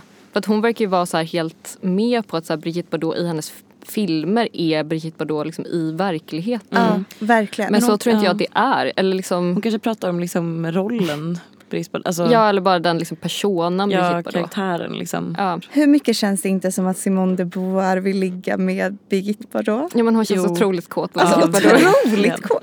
Det är som en lång sexnovell. Hyll- Ja, eller bara en lång liksom, k- kärleksbrev. Ja. Typ. En Men jag tyckte hyllning. också, det var så sjukt liksom när hon beskrev det som att så här, hon, att hon sitter med sina typ vänner och tittar på någon sån Mm. video med Brigitte Bardot och att alla är så här, "Åh, hon är så ful, hon ser ut som en, vad fan är det de säger, en housemaid typ, en kammarjungfru. Ja. Och Man är så här, va, va, Ja, men det är så ju- konstigt liksom att eh, säga det. Ja. Ja, verkligen. Om eh, verkligen så här, literally en av de vackraste människorna som Ja. har levt liksom. Bara en liten kuriosa är, alltså Ja, det är verkligen så. Brigitte Bardot och Jane Birkin har Mm. jag haft som sådana typ referenser för hur- hur man vill se ut. Liksom. Ja. Jag kommer ihåg att jag läste en intervju med Jane Birkin för att Brigitte Bardot var ju ihop med Serge Gainsbourg som är en sån fransk popartist. Mm. Ja men Bonnie... Ja, då precis. Då Clyde. heter den Bonnie and Clyde. Och sen så blev ju Serge Gainsbourg ihop med eh, Jane Birkin och de fick Charlotte Gainsbourg. Och då vet jag att jag läste någon intervju med Jane Birkin och hon var så här, "Ah, jag hade så dåligt självförtroende när jag var ihop med Serge för att han hade precis varit ihop med Brigitte Bardot och jag var så här, jag kände mig så ful. Gud vad jobbigt. ja, jättejobbigt. Men också så här, du är också typ den Hon är ju också Alltså, hon är ju så sinnessjuk. fucking snygg. Ja. Alltså, hon ser helt liksom eh, överjordisk ut. Men då var det att hon var såhär, jag har så små bröst, jag hade så mycket komplex över det. Man Bara, Men jag kan ändå förstå, alltså för jag tycker att de står för väldigt olika kvinnoideal. Ver- verkligen. Ja, verkligen. Mm. De är helt o- väsensskilda liksom, typer av kvinnor. Då känns det ju som att Serge älskar både f- flickan och kvinnan. Typ. Ja, han gjorde ju också den här eh, Lemon Incest med Charlotte Gainsbourg. Är det en låt? Ja. Är det en sexuell låt? ja. Gud. Men jag såg den dokumentären om Jane Birkin och Charlotte Gainsbourg. ja. Och där kände man ju bara att hela deras hem var en enda stor liksom sex... Alltså bordell typ. Alltså eller det var så sexuell stämning. ja. Alltså i liksom inredningen eller? Ja, och i hur de pratade med varandra. Alltså, jag minns att det är att i deras, i liksom Charlottes barndomshem så fanns det bland annat en liksom staty av Jane Birkin naken. Okej. Och i dokumentären då så går de så och smeker över den här statyns bröst. Och är så här, de här brösten ärvde ju inte du. Ja, Gud. gud. Jane Birkin är så... Jag tyckte det var så himla jobbigt när du blev tonåring och inte lät mig ta på dina bröst längre. Ja. Oj Gud, då. vad, gud vad jobbigt. Men låter- Frankrike är ett så konstigt land också. Ja, Frankrike är ett helt efterblivet land. Ja, det är... Men Selma du sa igår, Ja, att jag eh, har tänkt på det här de senaste veckorna ganska mycket och eh, pratade med en- två andra kompisar om det här konstiga med att typ när man var så tonåring och hade kanske köpte sin första bh mm. ja. och så var den typ s- så var det kanske så snobben eller så Hello Kitty. verkligen Hello Kitty. Ja, ja, alltså en barn-bh. och så var det ändå så att den skulle vara sexig. Mm. Alltså jag hade en sån sin... Alltså förlåt att jag avbryter men jag hade liksom en helt fruktansvärd bh som verkligen var som någon sorts tortyrredskap. Alltså som var så otroligt mycket push-up Ja, och Hello Kitty Ja. med typ så här svart spets Ja. som jag hade när jag var 12. och vad är det Nej, för konstigt? Alltså alltså, varför, varför- finns den? Nej jag förstår inte. Nej det är faktiskt en Det är så jätte- jävla Eller jag förstår perverst. ju exakt varför den finns men, men det säger så mycket att den gör det. Ja. Men det som också hände var att, ehm, alltså att jag har också, det är också en konflikt i att så här, själv vilja vara en viss typ av kvinna och samtidigt typ dras till normala killar. Just det, ja precis. Det blir liksom krocken mellan sin e- ens egna sexualitet. Alltså, ens egen, alltså jag, kan, jag kan verkligen känna så ibland att jag typ, alltså inte på riktigt men att jag varit så här, jag kanske är typ pedofil. för att jag är så, liksom, kan bli så typ attraherad av, ett, ett- av, ett, av en flicka. Liksom. ja. Alltså fattar ni vad jag menar? Alltså Ja. nu får ni verkligen inte missförstå mig Nej men när jag, tror jag säger de här fattar. orden. Men, alltså, jag men är ju inte Det är attraherad av inte en flicka. attraktion. Det är Nej, men- att man vill vara som henne. Ja exakt precis. Men det är ändå liksom, det finns ju någonting, men det är ju samhället. Alltså det är ju det. Det är ju samhället är ju liksom attraherat av en flicka. Och i det kan jag bli så här, har jag blivit lite knäpp av så här, varför typ tänder jag på idén av, ett, av en flicka? Ja, och ibland undrar jag om det ens är samhället eller om det bara är kvinnor. Ja. För jag tycker typ män känns inte så Nej intresserade. men det är ju det du säger, det är ju att vi känner som normala män tror jag. Ja, Alltså jag tror verkligen att det finns män där ute som tänder på en flicka. Mm. Men jag menar alltså män som vill ligga med en jämnårig kvinna kanske inte är attraherad av barnunderkläder. exakt. Men jag menar typ att eh, det finns ett sånt hårlöst Mm. ideal.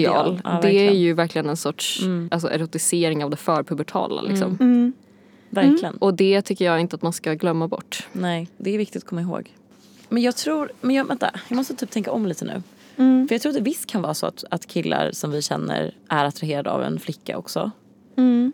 Men, Men då vill de ha en riktig flicka. nej, tvärtom vill de absolut inte, de skulle aldrig någonsin ligga med ett barn. Alltså jag tror inte jag känner en enda kille som faktiskt typ hade kunnat ligga med någon under 18.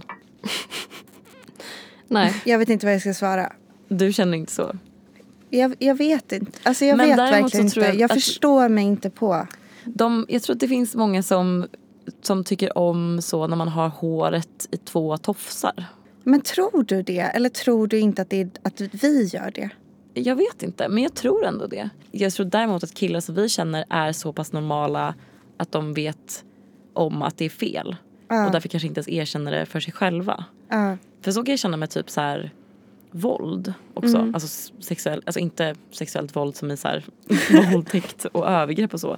Men så här, alltså det eh, sexidealet eller vad man ska kalla det, jag vet inte. Men typ att det är som att, jag tycker typ att nästan alla killar som jag har varit med har haft någon sorts dragning till det.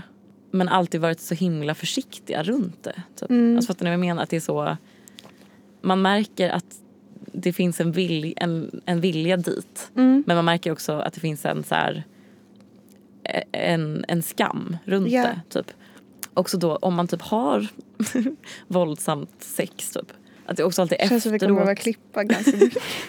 är så att det finns en sån otro, ett otroligt ursäktande och ett typ dåligt samvete och en skam och Ja. liksom en, en så här förlåt, förlåt typ. Även fast man själv kanske var med på det liksom. Men jag tycker det där är så speciellt för att liksom då är det som att man har någon sorts idé typ om att sexualitet är någonting som är helt eh, typ, opåverkbart eller kommer liksom inifrån. Ja.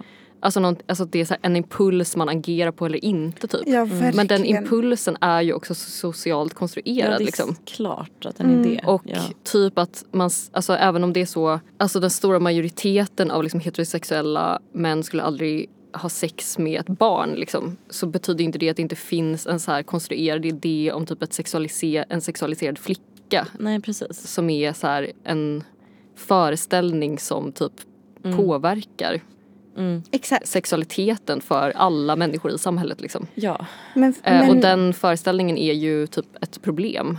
det jag har tänkt på senaste veckorna det är också att så här, om man jämför liksom orden typ kvinna och flicka så tycker jag att ordet kvinna är så jävla tungt. Typ.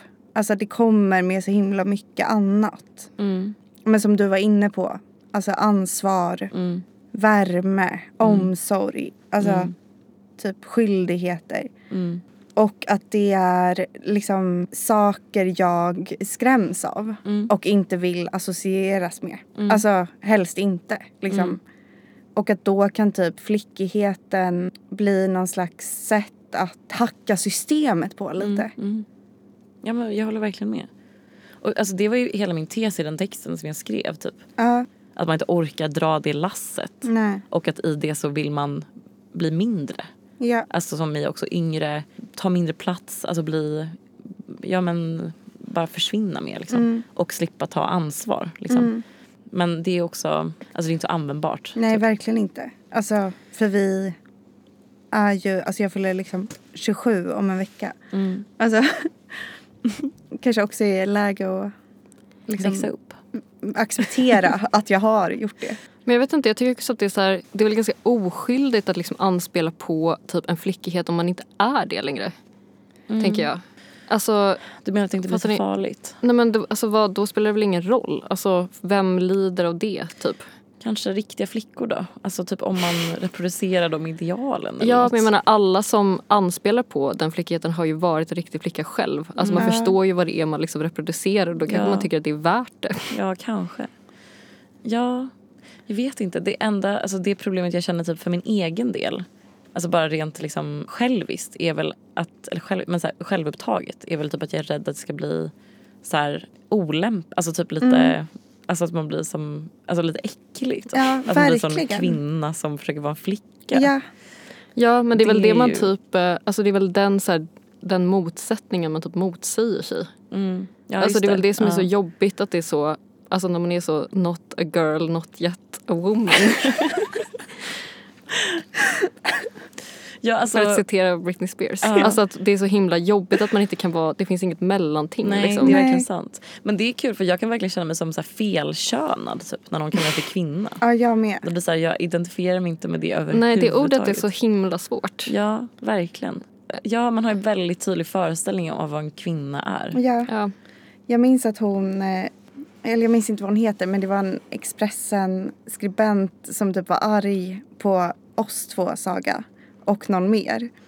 För att hon tyckte att vi hade skrivit dumt om Kanye West. Mm. Och alltså det som störde mig mest med hennes text var att hon kallade oss kvinnor. Ja. Alltså att hon verkligen använde det som en så beteckning på Ja. typ oss två och någon mer. Mm. Men det är väl en sån woke-grej som bara är att man kallar alla tjejer över 18 för kvinnor, typ. Eller? Alltså typ Men det är den väl inte så juridiska- woke? Alltså, Alltså men det, är typ väl att- inte, det är väl bara språkligt korrekt? Jo, jo, jo. Språkligt woke. Nej, men jag menar typ att så här, innan kanske man sa typ flickor. Vad, vad gör ni? Sitter ni flickor här ensamma? Alltså, Och så var det så två tjejer i 30-årsåldern. Alltså du menar när det var så att man var ung... Vad heter det? Ungmö tills man gifte ja, sig. exakt, precis. Alltså det är en sån grej. Att nu Men kan det en har det väl kvinna inte, vara... alltså så har det väl inte varit sen liksom 40-talet? Ja, men jag har en bred definition av woke. Nej, jag skojar. Nej, men det känns som att det, var, att det finns en sån grej typ, att man så här, använder mäns efternamn men kvinnors förnamn. Att man säger tjejer om kvinnor men Just män det. om män. Alltså typ med Ja. en sån grej menar jag. Alltså typ att så här, nu är det bara att alla, om en tjej är över 18 så tjej, säger man kvinna. Ja. Men det slår mig nu också att det finns ju tjej faktiskt. Tjej, tjej identifierar jag mig Tjej identifierar mig verkligen som med. fan. Flicka Ja. identifierar mig inte alls med men tjej däremot. ja. Mm. Alltså ja, det är väl det bästa vi har känner Ja. jag. Ja. Det är det.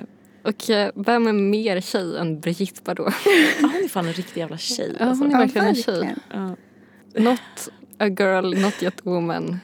Men en tjej. Exakt. Ja. Okej.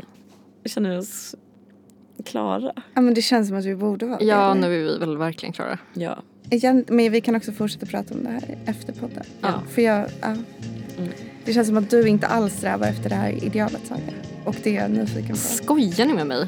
Alltså, Nej men du är alltid så kränkt om någon typ antyder att du inte är vuxen. Känns det som. men det är väl tror jag för att jag fortfarande blir misstagen för att vara ett barn. Ja, Vilket jag inte förstår, men det händer ändå. ja. Du är ju ganska kort. Jag är ganska kort. Jag har kanske något lite brådmodigt över mig. Jag är lite lillgammal. Men det här har vi pratat om förut, du är också lite anemisk. Ja, Eller du har den, du är inte det egentligen. Men det är som att man tror det. alltså jag är väl det. Eller Jag menar, jag är väldigt blek och jag är väldigt liten Ja. till växten. ja. Men du känns egentligen inte, alltså när jag tänker på en riktig, riktigt anemisk, då tänker jag att de är väldigt tunn hud. ja jag tänker Och det är